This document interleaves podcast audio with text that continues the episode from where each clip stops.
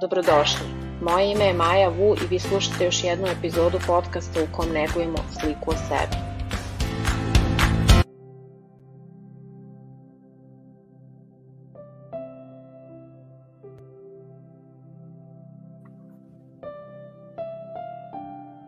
Dobro jutro i ovo jutro. Nadam se da ste naspavani. Nadam se da ste spremni za neke nove priče, za neke nove korake, za neke nove pobede.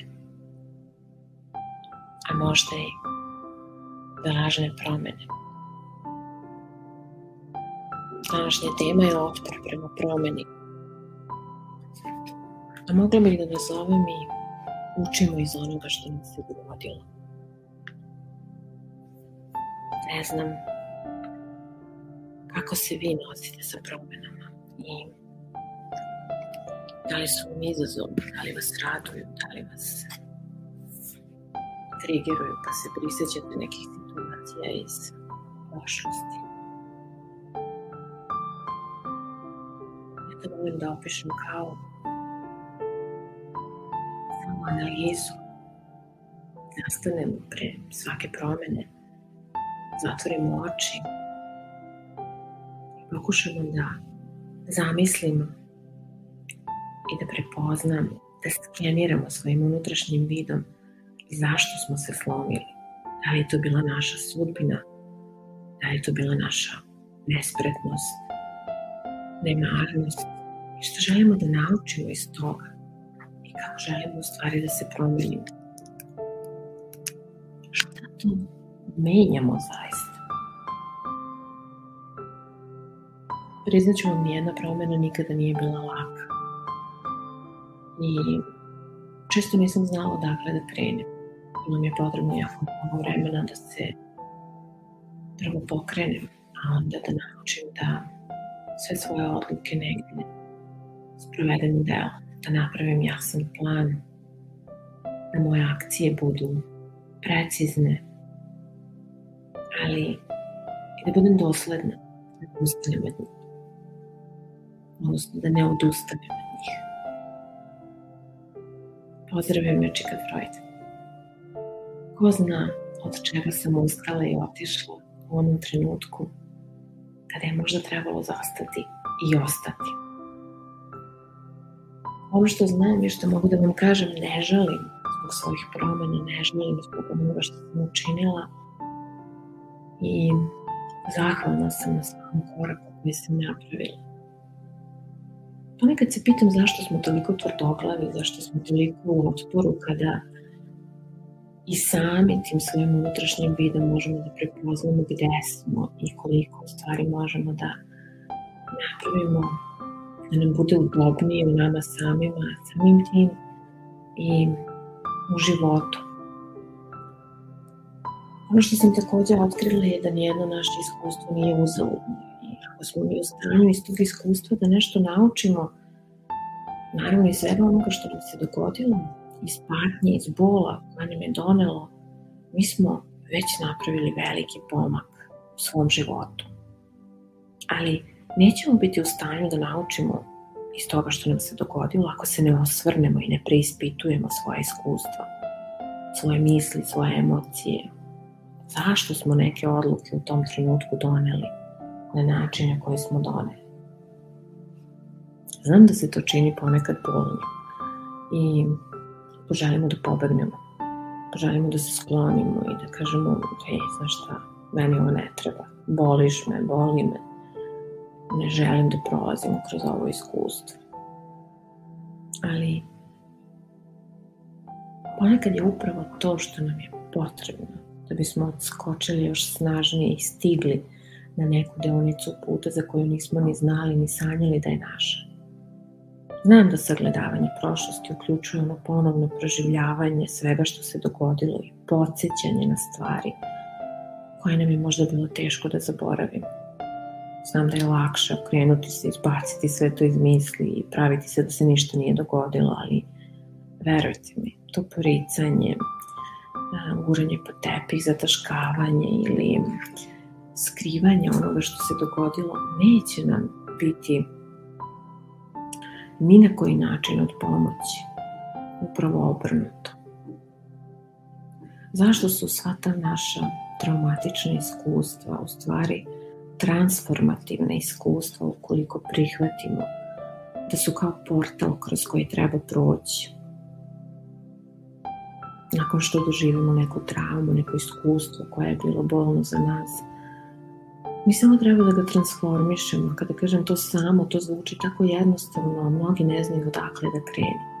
Zato mi na seansama, psihološkom savjetovanju, na unutrašnjem rebrandingu, na akademiji učimo u stvari kako da upoznamo sebe i kako da transformišemo svoja negativna i traumatična iskustva. Ta bolna, duboko prodiruća i vrlo promenljiva za nas. I u bilo kom pogledu, kako god da im pristupimo, ona nas menjaju. Međutim, mogla bih da kažem da ta transformacija vam neće pomoći da nešto naučite. Zato što je potrebno da se sučimo sa realnošću, sa stvarnošću, upravo onakvom kako smo doživeli. I to će nam pomoći i omogućiti da u stvari učimo i da rastemo. Prestaćemo da bežimo od prošlosti, prestaćemo da se krijemo, prestaćemo da se pretvaramo da je bilo i prošlo. I osvrnut ćemo se u stvari podignute glave. Nećemo spuštati pogled i pogledat ćemo to svoje traumatično iskustvo možda poslednji put. Zato ja verujem da je svima nama sada u ovom trenutku došlo vreme da naučimo iz onoga što nam se dogodilo, da ne bismo morali opet da prolazimo kroz iste patnje. Hajde da zajedno naučimo nešto iz onoga što nam se dogodilo i da mu damo novo značenje, da razumemo i da sprečimo da se ponovo dogodi. Šta mislite o tome?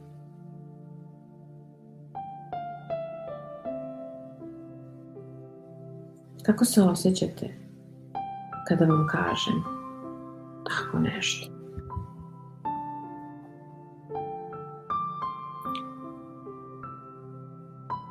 Možda ste vi ubeđeni da morate sami da prođete kroz ovaj proces redefinisanja, ali to nije slučaj.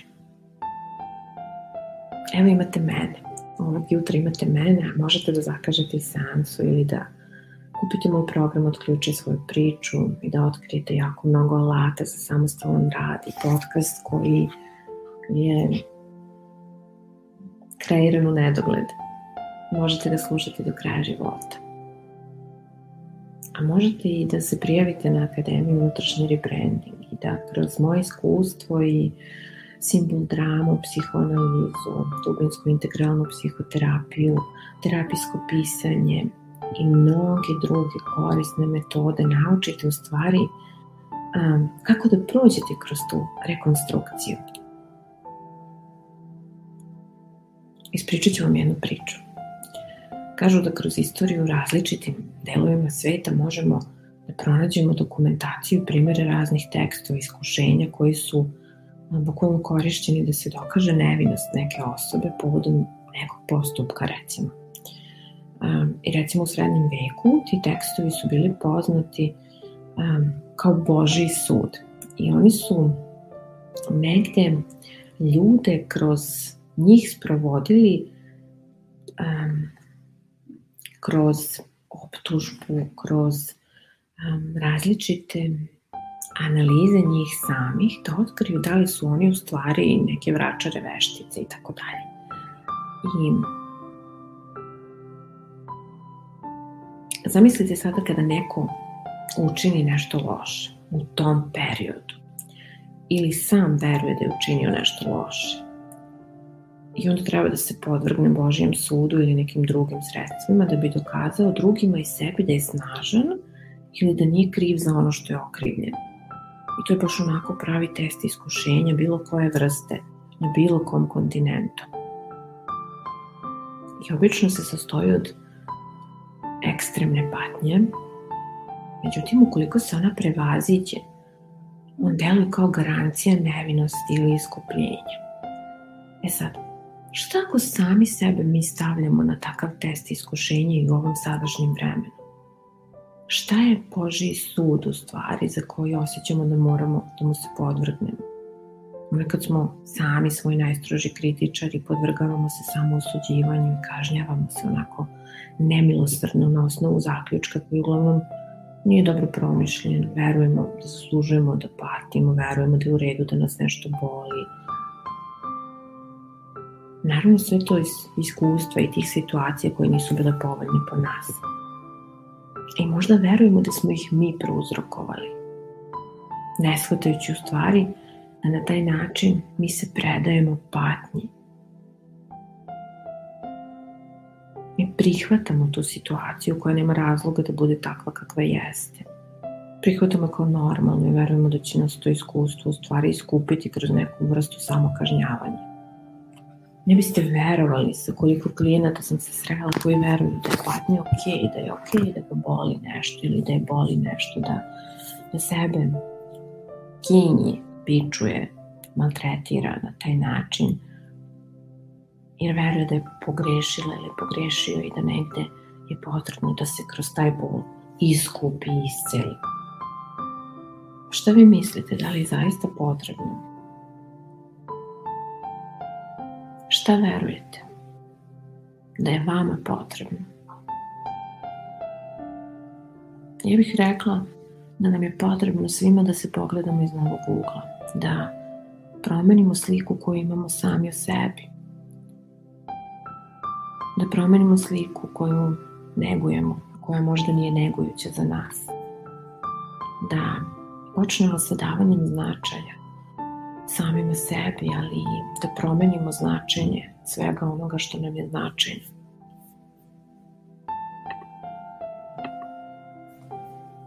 Kako to može da se uradi? Upravo to učimo na unutrašnjem rebrandingu na akademiji. Menjamo sliku, postojeću sliku u nama samima i kreiramo onu koja nam pristaje, onu koja nas raduje, koja nas čini lakima. Jer onog trenutka kada počnemo da hmm, damo neko značenje u stvari svemu onome što nam se dogodilo u tom našem prethodnom iskustvu, naš um upravlja svime i žudi da ima kontrolu i bit ćemo u otporu, jakom otporu. Zato što nas to menja, poziva nas na promenu, donosi nam neizvesnost, nemamo dovoljno informacije ili jasnoće i naš um pokušava da obezbedi konceptualni okvir za sve to što nam se dešava da sve stvari stavi u neki kontekst. Ali kada događaj nema visok emocionalni intenzitet, naš um se onda vrlo lako sa tim nosi. Ali kada je emocionalni uticaj visok, naš um postaje blokiran i ne funkcioniše jasno. To je kao da ste sreli bivšeg partnera prema kom gajite i dalje emocije i u momentu ste zaboravili i gde ste i kuda ste pošli i kako se zovete. Totalno pomračenje. Pa da bismo razumeli kako ovaj proces funkcioniše, mi u stvari kroz neuropsihologiju dolazimo do promene. Pravimo prve korake i plan, mapu po kojoj se menjamo. Zato što ljudski um se nalazi u nervnom sistemu i upravlja svakim procesom koji se u našem telu odvija. Nervni sistem je centralni kompjuter, bukvalno možemo tako reći, koji kontroliše apsolutno sve što se dešava u našem telu i odgovoran je i za dobar rad srca, za naše disanje i za naravno ostale osnovne vitalne funkcije. On reguliše kako mi opažamo svet, kako prikupljamo informacije. Dozvoljava nam da hodamo, da trčimo, da osjećamo, da volimo, da sanjamo, da odmaramo, da skačemo, da govorimo, da budemo tužni, osjećamo radost zbog nečega što nam se desilo, što nam prije. Zato taj naš lični kompjuter, naš nervni sistem zavisi od nekih visoko specijalnih ćelija, možemo ih i tako nazvati, da bi tačno mogao da izvodi svoje zadatke. Neuroni su osnova preciznosti i moždanih sposobnosti. To su ćelije koje su sposobne u stvari da prerade gomilu informacija i komuniciraju kroz neke kompleksne mreže. A taj proces komunikacije među neuronima bazira se u stvari na hemiji, elektricitetu i on se zove sinapse. I jako je važan za sve nas. Jer je na kraju odgovoran za ono što osjećamo, radimo i mislimo. A naravno, naše misli proizvode naše emocije, naše emocije dovode do naših akcija i ponašanja. Zato možemo reći da sve što iskusimo ima uticaj na naš nervni sistem, što vodi do niza posledica u ostatku tela koje su naravno neizbežne, ali i neophodne činjenice. Pa onda ako naš mozak kontroliše celo naše telo, čitavo telo, kako mi dolazimo do promena u stvari? Odakle nam potreba za otporom prema promeni? Pa ja bih rekla da je taj otpor negde možda i stres koji izaziva promenu. Ili kada telo primi signal da je vreme za promenu, naše telo prelazi u onaj mod, odnosno model rada za preživljavanje. Jer i on je deo naše prirode. I zato naš mozak uvek teži da izbegne stres, a jedini način u stvari da to uradi jeste da obezbedi određeni konceptualni okvir za ono što smo iskusili čak, iako je to pogrešno. I onda mi se čini da smo požurili i napravili neke greške u svom životu. U stvari, naš nervni sistem požuri i pravi greške u svom predlogu konceptualnog okvira. Ali nema drugog izbora. Nema alternative. Um hoće okvir i hoće ga brzo, hoće ga odmah. Bilo to tačno za nas ili ne. Jer kada smo pod takvom tenzijom, pod stresom, kada znamo da je potrebno da se nešto promeni, bilo to dobro za nas ili ne, naš um želi da pobedne. A potrebno je samo da ga ponovo opustimo, kako bi se on mirno bavio svim onim zadacima koje sam već spomenula na početku. Jer kada mi eliminišemo taj naš stres koji nas je mučio, a mučio samim tim i naše telo i naš um, mi možemo da napravimo jedan lep plan rada, mapu kretanja. I zato je važno da evo i ovog jutra zastanemo, oslušnemo se, napravimo taj unutrašnji skener i da vidimo u kakvom smo mi to okviru. Kakav mi to okvir nudimo svom umu i naravno onda i našem telu i našem životu i svim našim odlukama. Hajde da izanaliziramo taj naš okvir. Hajde da proverimo kako tumačimo sve ono što nam se događalo do sada. Naše iskustva, naše patnje, naše odnose. Hajde da probamo. Možda otkrijemo da u stvari taj naš okvir određuje šta mi opažamo i koliko smo otvoreni, imamo li neki povez preko očiju. Jer ako verujemo da nismo dovoljno dobre, da nismo dovoljno vredne, da je potrebno da uradimo još nešto ili završimo još toliko toga pa da bismo se opustile i sebi dopustile da napravimo promenu, mi ćemo onda selektivno videti stvari koje u stvari potvrđuju našu percepciju. Pa kada filtriramo ono što opažamo, imamo samo delimičnu sliku sveta, ali sa druge strane delimičnu sliku o nama samima. I to je ono što učimo kroz zajednički rad na unutrašnjem rebrandingu. Jer emocije koje osjećamo su stvarne. I svaka emocija koju osjećamo ima poreklo. Ima taj neki fini senzor u nama koji je prepoznaje kada je nešto izazove. Mi samo ponekad nismo svesni šta u nama budi neku emociju. I onda pogrešno prepoznajemo te naše nadražaje koje izazivaju iste te emocije i možda verujemo da se emocija javila nijotkud onako slučajno, upala nam u život samo. Ali grešimo. Emocije se rađaju iz naših opažanja, iz našeg unutrašnjeg dijaloga, iz te naše slike o nama samima. Pa ovog jutra ja bih volela da pitam vas kakav je vaš unutrašnji dijalog. Neka vam to bude prvo od pitanja. Napišite sebi na papir i pokušajte u toku dana ili u narednim danima da odgovorite. Kakav je moj unutrašnji dijalog? Šta sebi govorim? Da li sebe vidim kao nedovoljno dobru, dobru, nedovoljno vrednu, vrednu? Da li sebe vidim kao slabu, slabu? Ne mislim da sam kriv za sve na ovom svetu. Da li mislim da sam kriv i odgovoran svoje porodice?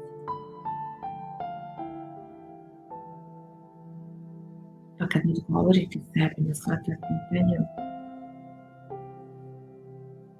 želim da znate da, da vas vidim i da se kažnjavate bez razloga i da niste jedini. I ja sam nekad bila vi. Jer samo sećanje na našu patnju dovoljno da izazove još više patnje. Zato vas podsjećam, pozivam, podstičem da pogledate u svoju prošlost, u pređašnje iskustva, onako poslednji put, zaista poslednji put. Ne kao ono, otišla sam na kafu sa drugaricom i pretresam se što me je bolelo. I tražim krivca za to što me je bolelo. Nego, hajde da pogledamo to poslednji put. Da analiziramo taj događaj iz perspektive koju sada imamo. Tako da konačno možemo da bukvalno zatvorimo tu poglavlje jednom i zauvek. Da napravimo pomak počnemo da brinemo sami o sebi. Jer mi zaista ponekad sebe zlostavljamo, neki ljudi žive u tom modelu. Nisu ni svesni toga. Najgori smo kritičari kada smo sami prema sebi okrenuli ogledalo onako, posmatramo se.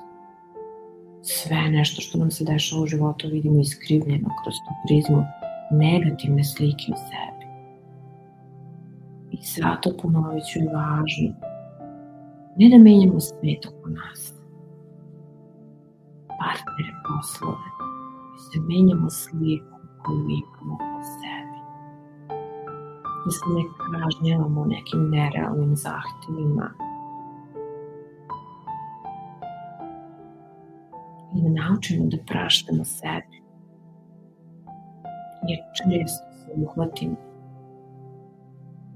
u razmišljanjima, slušajući klijente, koliko u stvari lako opraštamo drugima sve ono što nismo u stanju da oprostimo sebi. I jako se loše ponašamo prema sebi, ne volimo sebe, kažnjavamo se, pokušavamo da prođemo kao oni u srednjem veku, što sam ispričala priču. Treba mi neki test da bih brao svoju karmu, svoj usud i tako dalje. Ne, pobogu dosta je, stvarno. Hajde da prekinemo sa tim vrtenjem u krug.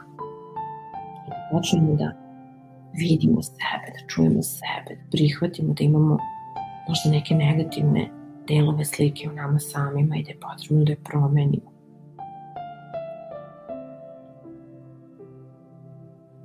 Hajde da nađemo malo više ljubavi prema sebi, malo više samo prihvatanja i da damo sebi šansu da mislimo i govorimo o onome što nam se dogodilo, ne tražići krivca. I znam da živimo u nekom opičnom vremenu gde je sve toliko brzo i fokus nam je samo na tome što više para da zaradimo, što bolje da se pozicioniramo, da budemo što pametniji, što lepši, što više izblejhani ili napumpani, da vozimo što bešnije auto i da razmišljamo o drugima kako bismo izbegli sebe. Hajde da skinemo sve te maske, da uzmemo život u svoje ruke, ogledalo u kom ćemo videti realnu sliku o nama samima i da napravimo svoju mapu življenja, kretanja, vodič za preživljavanje nakon što nam se desilo toliko toga. I onda da taj vodič preuredimo, da bude vodič za življenje, a ne preživljavanje. Da ne živimo izolovani, da ne propuštamo sjajne prilike, već da gradimo prilike, da pružamo šanse drugim ljudima, da podržimo jedni drugi, da budemo negujući, da pohvalimo tuđe uspehe,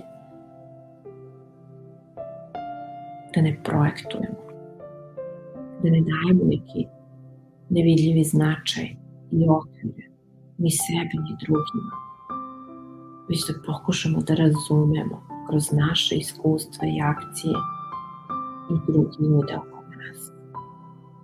Ne možemo ići obrnutim smerom. Hajde da obratimo pažnju na naše unutrašnje narative, odnosno jezik koji koristimo u našem unutrašnjem dijalogu, na pitanje koje sebi postavljamo na poreklu uzrok onoga što nam se dogodilo. Hajde da prihvatimo da postoje stvari koje je potrebno da razumemo, da naučimo, da uradimo da bismo prevazišli svoje izazove.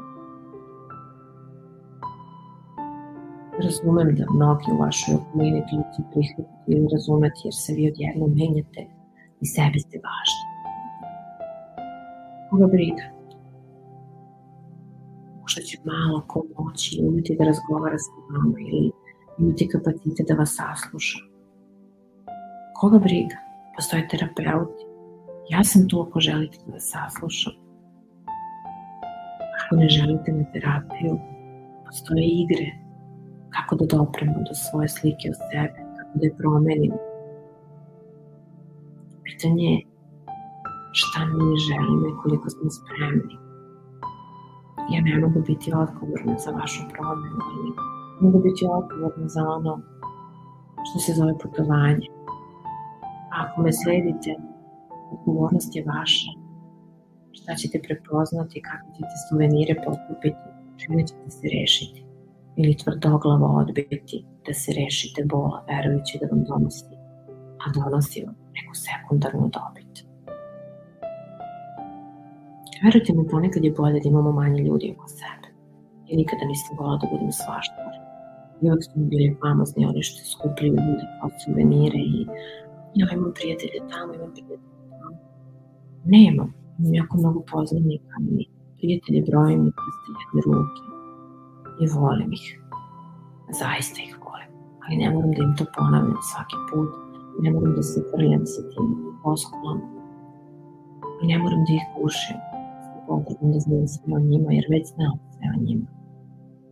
Tako što ih pogledam i dopustim im da sami kažu onoliko koliko im je potrebno. Tu sam. I oni su tu za mene. I to je ono što je najlepše. I želim vam takve ljudi u životu. Šta će vam oni ljudi koji neće biti u stanju da zaista budu sa vama i se postave dok vi postavljate vaše stvari na mesto.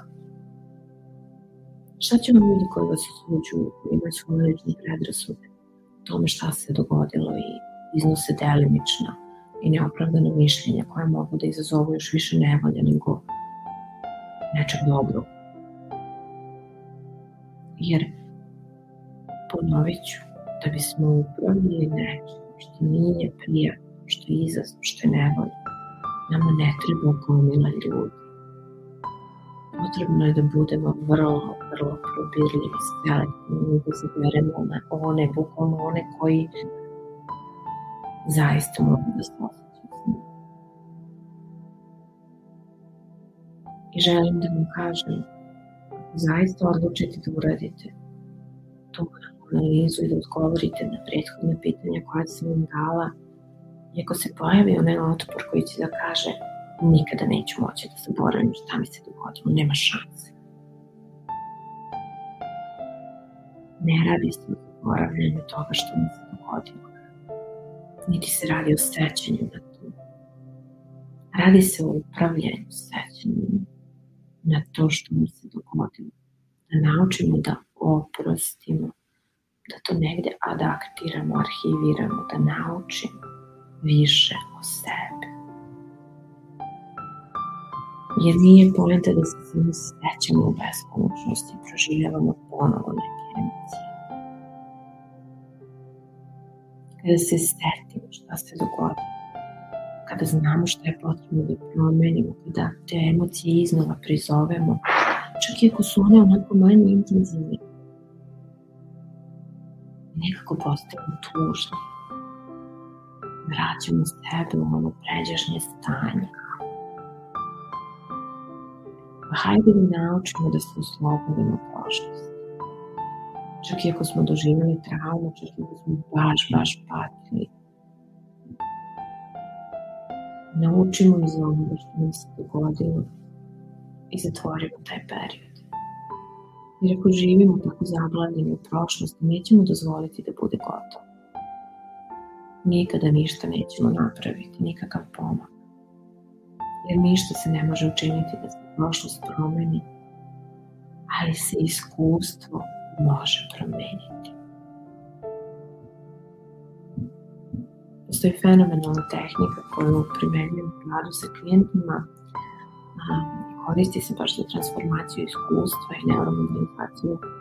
Međutim, ono što je interesantno, ljudi su često baš u tom da je nešto potrebno promeniti u velikom otporu.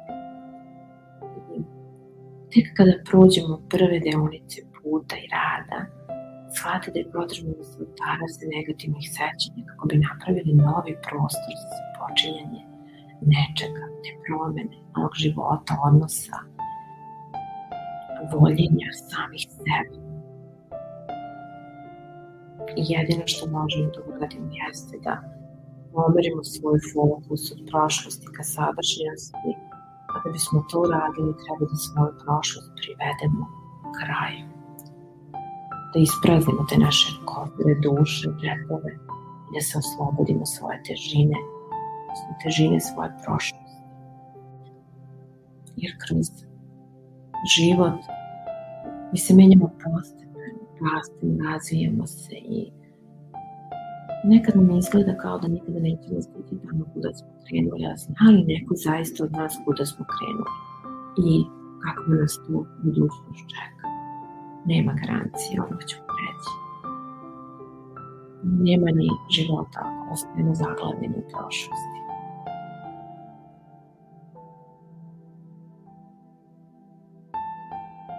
zašto vam služi vaša prošlost ako se tako grčevito držite za njom? Šta od nje dobijete? Koja je vaša sekundarna dobit?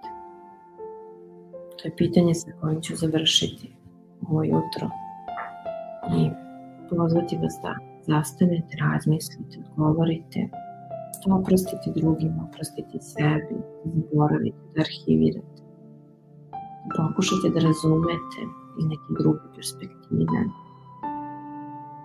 Razmišljate o svemu tomu što vas je negde zadržalo u mestu ili obeležilo ili promenilo ili zabolelo i boli i dalje. Kao nekom bledom sećanju koje je vremenom izmenjeno. Jer ste ga vi rekonstruisali.